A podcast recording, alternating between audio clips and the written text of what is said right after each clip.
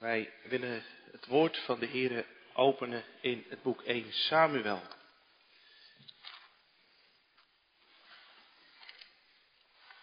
In Samuel 16.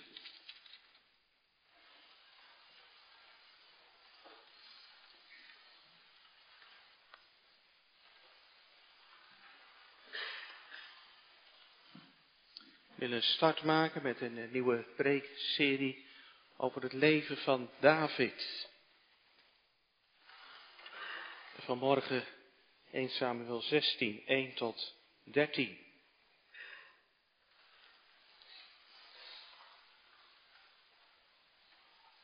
Daar klinkt het woord van de Heer in 1 Samuel 16. Toen zei de Heere tegen Samuel, hoe lang rouwt u om Saul, die ik immers verworpen heb, zodat hij geen koning over Israël meer zal zijn? Vul uw hoorn met olie en ga op weg. Ik zend u naar Isaï, de Bethlehemiet. Want ik heb een koning voor mij gezien onder zijn zonen. Maar Samuel zei, hoe kan ik daarheen gaan? Saul zal het horen en mij doden. Toen zei de Heer, neem een kalf van de runderen met u mee en zeg, ik ben gekomen om de Heer een offer te brengen. Dan moet u Isaï voor het offer uitnodigen en zal ik u te kennen geven wat u doen moet. U moet voor mij zalven die ik u zeggen zal. Samuel deed wat de Heer gesproken had en kwam in Bethlehem. Toen kwamen de oudsten van de stad hem bevend tegemoet en zeiden, is uw komst met vrede? Hij zei met vrede, ik ben gekomen om voor de Heer een offer te brengen. Heilig u en kom met mij naar dat offer. Hij heiligde Isaïe en zijn zonen en nodigde hen uit voor het offer. En het gebeurde toen zij kwamen dat hij Eliab zag en dacht, deze is vast en zeker voor de Heer zijn gezalfde. Maar de Heer zei tegen Samuel, kijk niet naar zijn uiterlijk en ook niet naar de hoogte van zijn gestalte, want ik heb hem verworpen. Het is namelijk niet wat de mens ziet, want de mens ziet aan wat voor ogen is, maar de Heer ziet het hart aan. Toen riep Isaïe Abinadab en hij deed hem voorbij Samuel gaan, maar hij zei, de Heer heeft ook deze niet uitgekozen. Daarna liet Isaïe Samma voorbij gaan, maar hij zei, de Heer heeft ook deze niet uitgekozen. Zo liet Isaïe zijn zeven zonen voorbij Samuel gaan, maar Samuel zei tegen Isaïe, de Heer heeft deze niet uitgekozen. Toen zei Samuel tegen Isaïe, zijn dit al de jongens? En hij zei, de jongste is nog achtergebleven, zie hij bijt de schapen. Samuel zei tegen Isaïe, stuur een bode en laat hem halen, want wij zullen niet rond de tafel gaan zitten totdat hij hier gekomen is. Toen stuurde hij een bode en bracht hem. Hij was rossig, had mooie ogen en was knap om te zien. De Heere zei, sta op, zalf hem, want deze is het. Toen nam Samuel de oliehoorn en zalfde hem te midden van zijn broers. En de geest van de Heere werd vaardig over David vanaf die dag en voortaan. Daarna stond Samuel op en ging naar Rama. Dat is het woord van de Heere voor deze morgen. Kerntekst voor de preek, het slot van vers 12. De Heere zei, sta op, zalf hem, want deze is het. Jongens en meisjes, heb je een leuke Koningsdag gehad? Ja, ik ook. Het was voor ons eigenlijk de eerste normale Koningsdag in Woudenberg. Ik heb nog nooit zoveel springkussens bij elkaar gezien. Een hele straat en een heel grasveld vol. Ik denk dat het er wel bijna twintig waren. En dan vind ik het eigenlijk jammer dat ik al zo oud ben, want volgens mij mocht ik er niet meer op. Weet je, rond uh, Koningsdag wordt eigenlijk ook ieder jaar eh, aan, aan, aan, ja, aan, aan Nederlanders gevraagd, wat vind je eigenlijk van de koning? Hoe doet hij het? Een onderzoekje naar hoe populair hij is. En ja, de koning die, uh, die krijgt een steeds lager cijfer. Dit jaar een 6,7. Vorig jaar was het nog een 7,1. En twee jaar geleden was het zelfs nog een 7,7. Het cijfer wat onze koning krijgt is, is een beetje gedaald. Ja, en dan gaan mensen ook proberen om dat te duiden. In uh, coronatijd is hij niet zo solidair geweest met het volk. De beruchte Griekenlandreis en het feestje van prinses Amalia, waar eigenlijk veel te veel mensen uitgenodigd waren. Maar ja, wel weer mooi dat de koninklijke familie nu 30 Oekraïners opvangt in uh, het oude Lo in Apeldoorn. En zo'n ouderwetse Koningsdag in Maastricht met alles erop en eraan. Dat heeft dan misschien ook wel weer een positief effect. En de dominee krijgt, de dominee, de koning krijgt zomaar allemaal gratis tips aangereikt. Uh, van wat hij zou kunnen doen om zijn imago te verbeteren, op te krikken. Hoewel, dat vond ik ook wel weer mooi, dat de koning zelf eigenlijk heel, uh, ja, uh, nuchter aangaf, kritiek is prima. Want als dat niet meer mogelijk is, dan eindig je als Poetin. Vanmorgen in de preek gaat het ook over koningen. Imago. En, en ook iets wat nou juist, ja, misschien wel tegenover imago staat. Gehoorzaamheid. Drie koningen. Weet je welke jongens en meisjes? Koning Saul, koning David en koning Jezus. Thema voor de preek. Onze koning is van Israëls God gegeven. Dat is een regeltje uit Psalm 89. Onze koning is van Israëls God gegeven. Dan eerst Saul, een verworpen koning. Kort, dat is eigenlijk wat, ja, de achtergrond van wat er in dit hoofdstuk gebeurt in 1 Samuel 16. En dan David, een verkoren koning. En dan Jezus, een volmaakte koning. Onze koning is van Israëls God gegeven, een verworpen koning, een verkoren koning en een volmaakte koning. In 1 Samuel 16 zie je in gedachten Samuel op reis van Rama naar Bethlehem. Dat is een hele klim voor zo'n oude man. Bethlehem ligt in het heuvelland van Judea.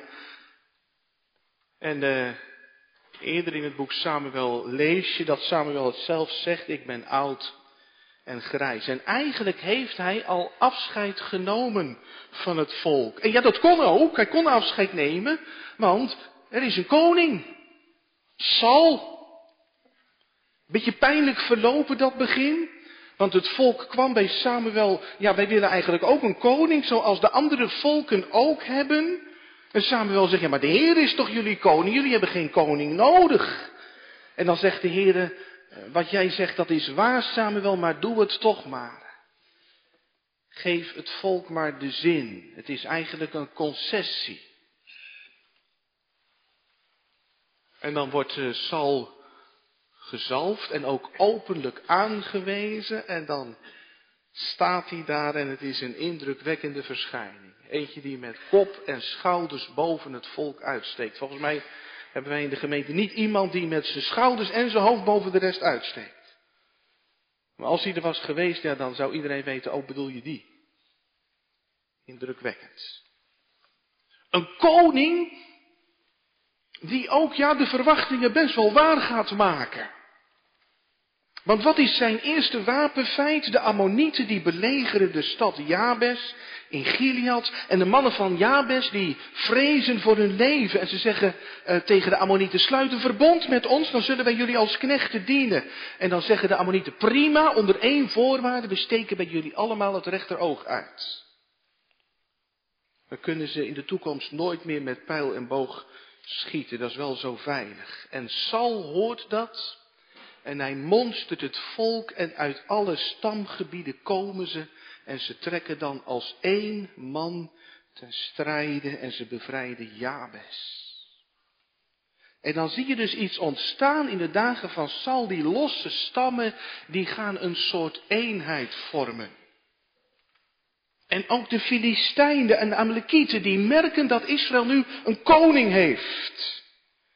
Je zou kunnen zeggen, die Sal die is politiek aardig succesvol. Ik denk dat hij ook wel een 7,7 zou krijgen. Maar in de ogen van de Heeren is dat anders. Want Saul gaat wel zijn eigen gang. Hij onderwerpt zich niet aan God. Saul is een eigenmachtige koning en dat wordt eigenlijk ook steeds duidelijker in zijn leven. Voor de strijd tegen de Filistijnen moet hij wachten totdat Samuel komt om te offeren. Maar het duurt hem te lang en hij doet het zelf. Dat is het moment dat het koningschap van Saul wordt afgenomen. En je leest ook dat uh, Saul een monument voor zichzelf laat maken. En misschien is wel het meest typerend het vorige hoofdstuk. Hoofdstuk 15, de strijd met de Amalekieten. Weet je nog wie de Amalekieten waren? Die komen ook in de woestijnreis voor. Een beetje laf zijn ze. Heel erg laf. Want zij vallen Israël in de rug aan. Waar de kinderen lopen en de ouderen, de bejaarden.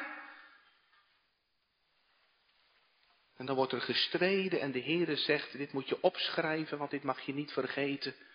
Want hier kom ik op terug. En Saul moet dat gaan uitvoeren. Hij moet de Amalekieten met de ban slaan. Hij moet al het volk doden en al het vee doden. En wat doet Saul? Nou, hij doet het een beetje. Hij doodt er heel veel, maar die koning die laat hij leven aangag als een soort overwinningstrofee. En dan komt hij bij, uh, bij Samuel terug en dan zegt hij, ik heb het bevel van de Heer uitgevoerd. En dan zegt David, wat hoor ik dan? Ik hoor schapen blaten en koeien loeien. Ja, zegt Saul, maar dat wou het volk zo graag. En het is trouwens om de Heeren te offeren. De rest heb ik met de boom geslagen. En dat neemt de Heere hoog op. Helemaal omdat Saul koning moet zijn die God vertegenwoordigt bij het volk. Als de koning niet gehoorzaam is, dan sleurt hij alle mensen mee bij God vandaan. En daarom rouwt Samuel er ook om. En Samuel zegt, gehoorzamen is beter dan slachtoffer. En omdat u het woord van de Heere verworpen hebt, heeft de Heere u verworpen, zodat u geen koning meer zult zijn. God vraagt gehoorzaamheid. Wie is er goed in gehoorzamen? Moet je leren, gehoorzamen. Het begint al heel jong dat je moet leren gehoorzamen. Onze tjetske, die proberen we ook te leren gehoorzamen. Het is niet handig als ze elk, elke maaltijd het tafelkleed van de tafel trekt. Dan hou je geen servies over en ja, dan ben je voortdurend, probeer je te, leren, gehoorzamen. En, en, soms krijg je misschien ook wel straf als je niet gehoorzaam bent, want dat moet je leren. Dat is ook in het leven met God zo belangrijk. Gehoorzaamheid, geloofsgehoorzaamheid. Dat is eigenlijk een soort synoniem in de Bijbel. Geloven en gehoorzamen, die zijn niet echt, die zijn echt niet los van elkaar verkrijgbaar. Zegt de Heer Jezus ook, niet iedereen die tegen mij zegt, Heere, Heere, zal ingaan in het koninkrijk van God, maar wie doet de wil van mijn Vader die in de hemelen is. En zeker als je leiding moet geven, als je ouderling bent, als je jeugdleider bent, als je ouder bent. De Heer neemt dat hoog op, want als je niet gehoorzaamt, dan heeft dat gevolgen voor anderen. En dat is moeilijk in onze tijd. Want uh, ja, voortdurend hoor je dat om je heen. Jij bepaalt, het is jouw leven. jij doet wat jou van pas komt, waar jij zin in hebt. En, en dan staat dat gehoorzamen zo haaks op onze tijd. Wij zijn graag polderchristenen. Wij onderhandelen graag met de Heer. Een beetje net als Saul, een beetje een beetje gehoorzaam. Een beetje gehoorzaam. Of je, of je zet het een beetje naar, naar, je hand. Ja, ik snap dat in de tijd van de Bijbel, dat dat toen zo ging en dat het toen die regel was. Maar ja, wij leven in andere tijd. Je hoeft er ook niet zo zwaar aan te tillen. En je kunt toch ook niet overal God bij betrekken. Een, een, een beetje gehoorzamen. Kan dat? Een beetje gehoorzamen?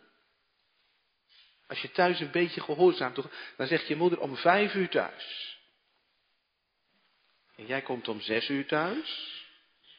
En dan zeg je, ja, ik ben een beetje gehoorzaam geweest, want ik had ook om acht uur thuis kunnen komen. Maar het is pas zes uur. Dat gehoorzamen? Een beetje gehoorzamen bestaat niet. Een beetje van je hart aan de Heere geven, dat kan niet. Een man en een vrouw die door het huwelijksverbond aan elkaar gegeven zijn, dan telt het niet als je zegt, maar ik heb maar met één iemand anders overspel gepleegd. God wil je heel hard. Gehoorzaamheid. Nou ja, dat is de reden dat de Heere zal verwerkt. De Heere laat Israël duidelijk merken, zo niet.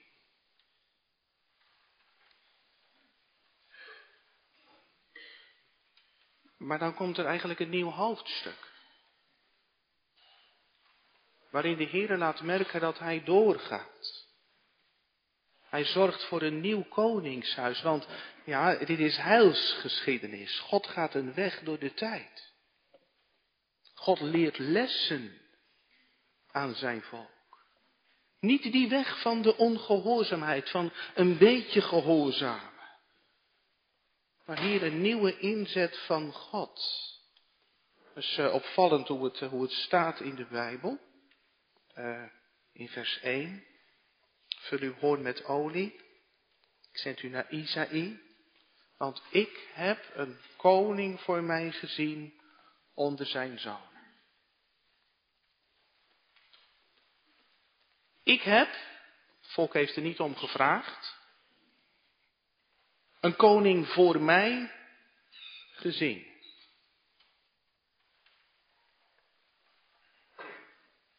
Gaat hier echt anders dan bij uh, toen Saul koning werd.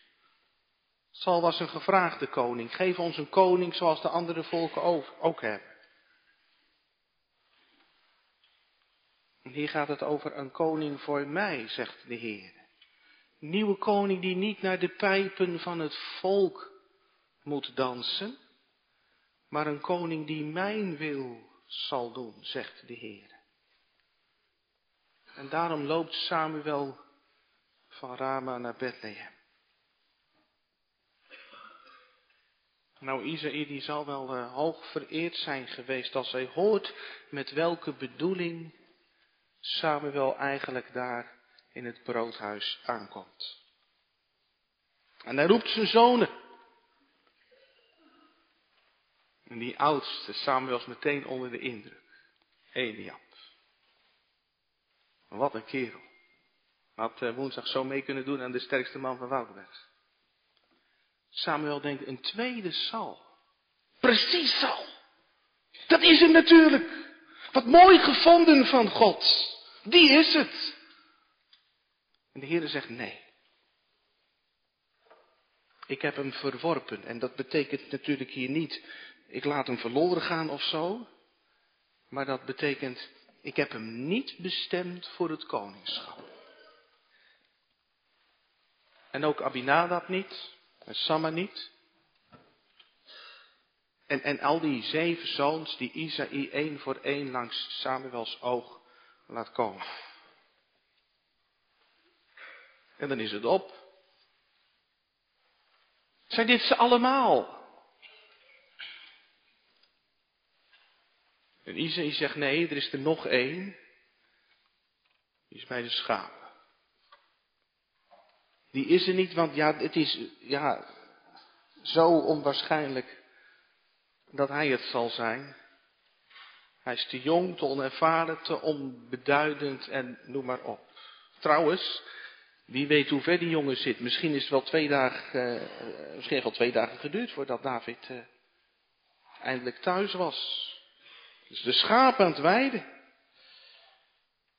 Maar als die er dan is, dan zegt de Heer, deze is het. Salf hem. Hij wordt de nieuwe koning. En, en, en die salf, jongens en meisjes, dat, ja, je zou misschien kunnen denken aan uh, als je Als je, als je heel de dag gespeeld hebt en je gaat onder de douche. En dan ben je weer heerlijk fris. En dan zeg je wel eens, ik voel me een ander mens. Nou, daar is dat salven eigenlijk een teken van. Een teken van de Heilige Geest die God geeft, zodat je een ander mens wordt. De Geest geeft moed en kracht. Een sal was trouwens ook gezalfd, maar die was uit een kruik gezalfd, een oliekruik, een breekbare kruik. En David is gezalfd uit een hoorn, die niet breekbaar is. Treffend verschil. Koningshuis van Sal is niet blijvend, maar dat koningshuis van David is voor eeuwig. Maar gemeente, even die vraag, waarom nou David? Waarom nou David? En eigenlijk staat het antwoord hè, in, in vers 7. De mens ziet aan wat voor ogen is. En de Heer ziet het hart aan.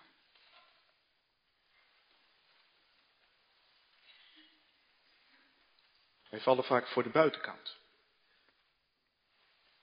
Een jongen die verschillende studies doet tegelijk, die kan op bewondering rekenen. En een meisje met een mooi figuur en mooie haren en sprekende ogen, die, die kan op aandacht rekenen.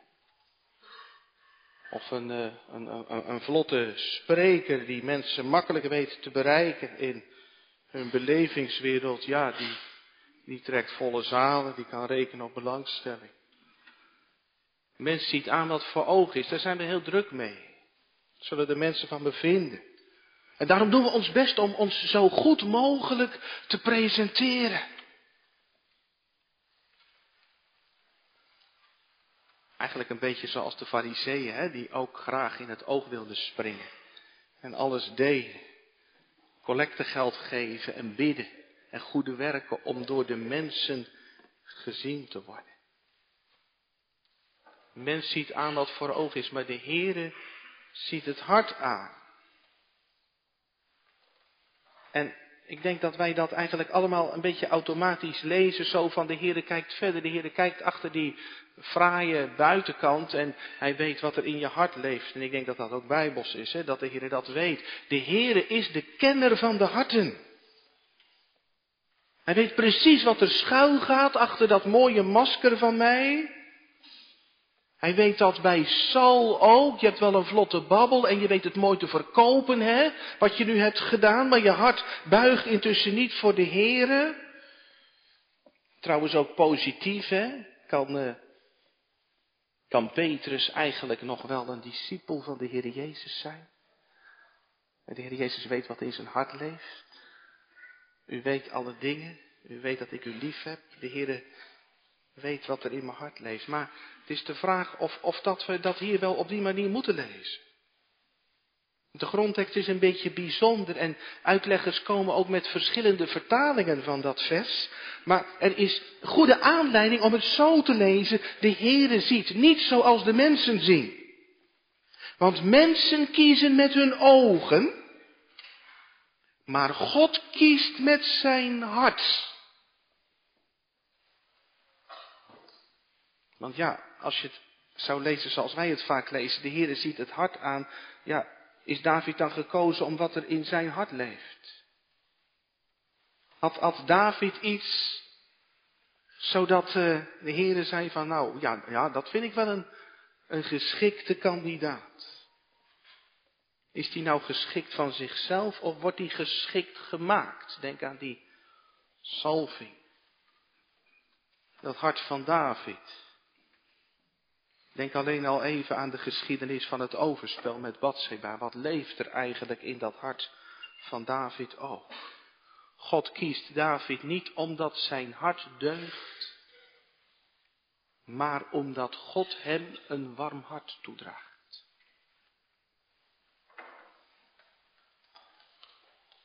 Deze geschiedenis laat iets zien van het hart van God.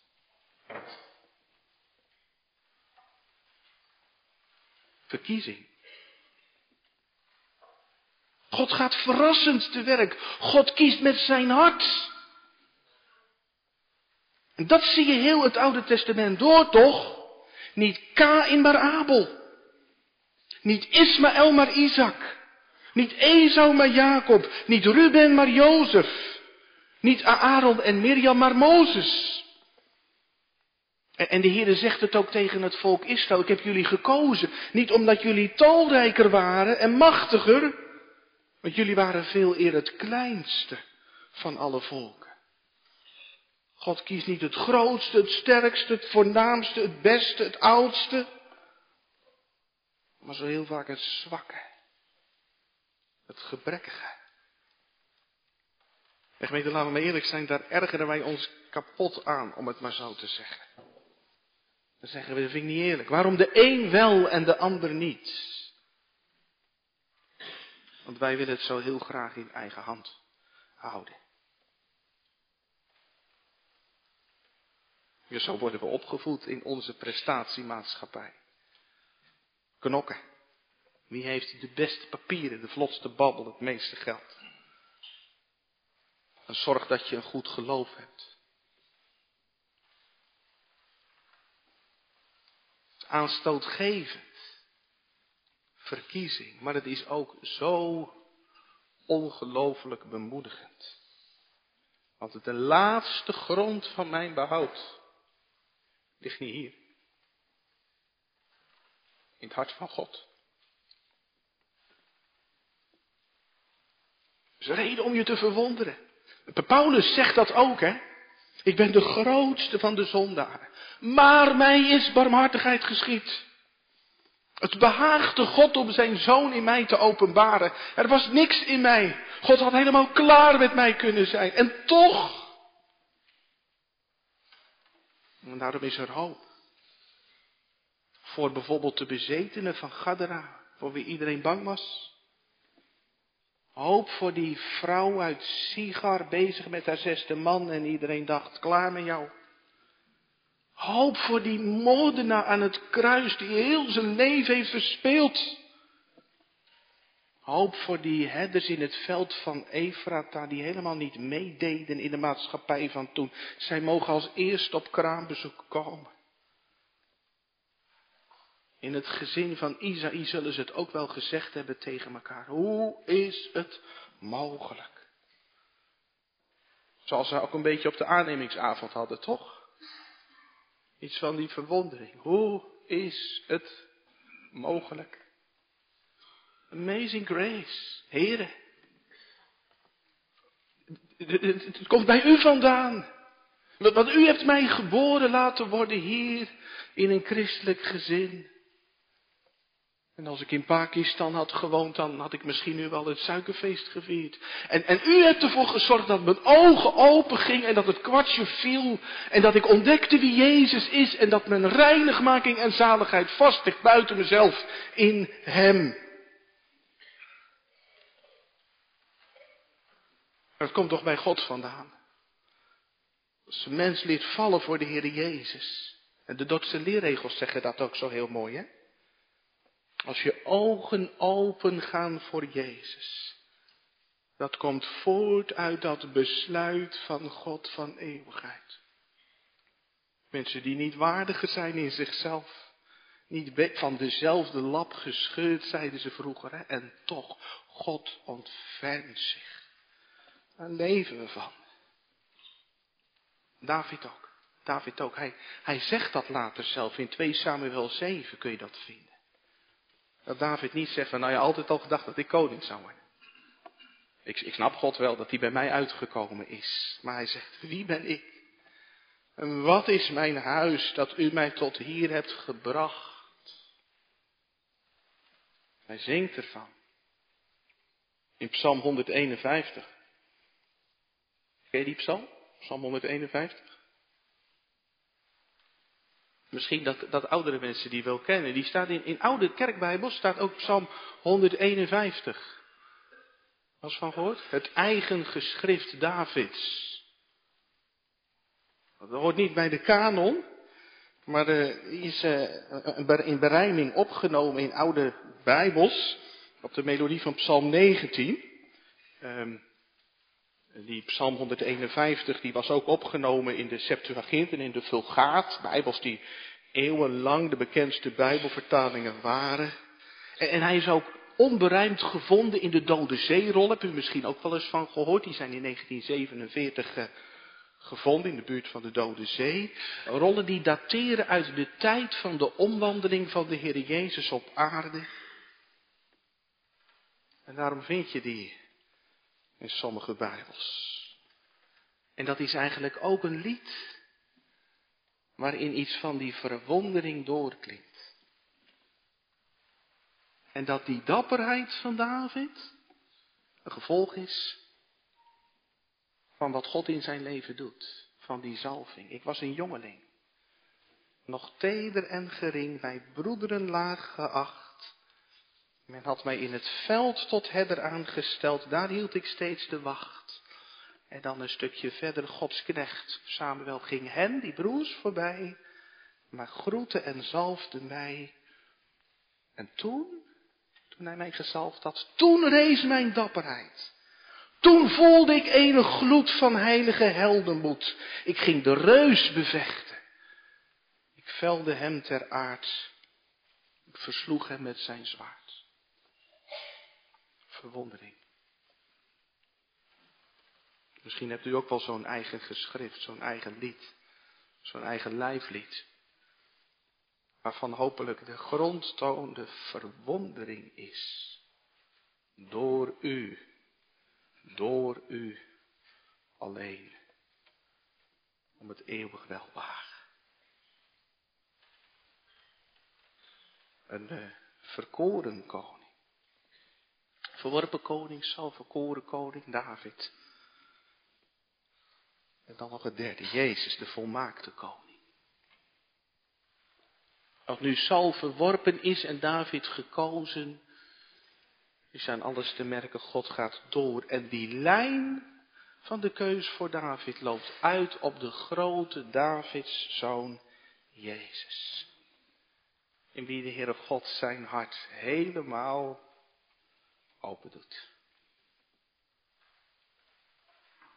Net als uh, Net als David is Jezus niet in tel. Jezaja profeteert daarover. In dat heel bekende hoofdstuk 53, hij had geen gedaante of heerlijkheid. Geen, eh, geen stralenkrans of zo. Als wij hem aanzagen, zo was er geen gestalte dat wij hem zouden begeerd hebben. Wie zou er, wie zou er vanuit zichzelf kiezen voor Jezus? Jesaja zegt als je naar hem kijkt, niemand. Nee, niks aantrekkelijks. Ga maar eens kijken naar wat voor koning Jezus, een kruiskoning, gekroond met donen. Een machteloze koning, vastgespijkerd aan het kruis, een spotkoning onder de roggel. En de zweepslagen, de striemen en noem maar op. Iemand voor wie het aangezicht verbergt, ik wil hem niet eens zien. Het is geen gezicht. Is dat, is dat mijn koning? Jezus past ook totaal niet in het plaatje van de Joden. Die dachten als de Messias komt, dan gaan we wat beleven. Dan komt er een gouden eeuw. En dan worden wij het middelpunt van de wereld. En velen hadden geen kruiskoning nodig. Zijn wij dan ook blind, zeggen ze? Wij hebben Abraham toch tot een vader? Meent, is Jezus uw favoriet? Is Jezus een koning met wie je kunt scoren? Net als in de dagen van, uh, van Sal, hè? dat de mensen zeiden, wij willen een koning zoals ook de andere volken hebben. Erbij horen, meetellen. Tel je mee als de heiland je koning is. Hoe was je weekend? Hoor je erbij als je dan zegt, uh, ik, heb, ik heb twee keer zitten luisteren naar de stem van mijn koning in de kerk samen met de gemeente.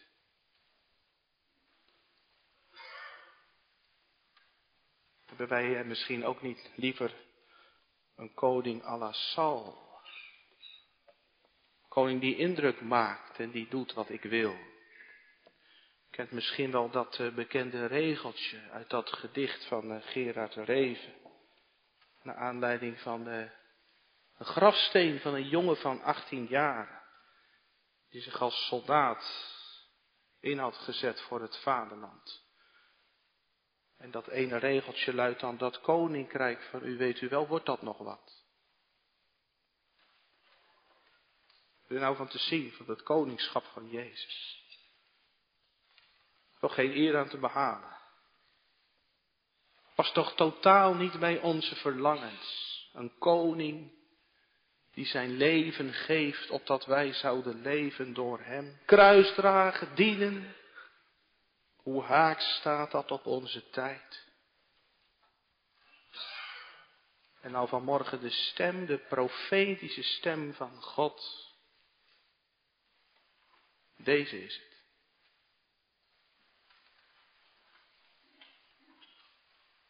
Dit is mijn geliefde zoon, in wie ik al mijn welbehagen heb. Hoor hem. Jezus is niet de gevraagde. Er zat niemand op hem te wachten. Hij is de geliefde. Wij vroegen niet om hem, maar hij gaf zijn zoon tot op het kruis. En die koning hebt u nodig. En de Heilige Geest wil je ogen ervoor openen, dat die de koning is.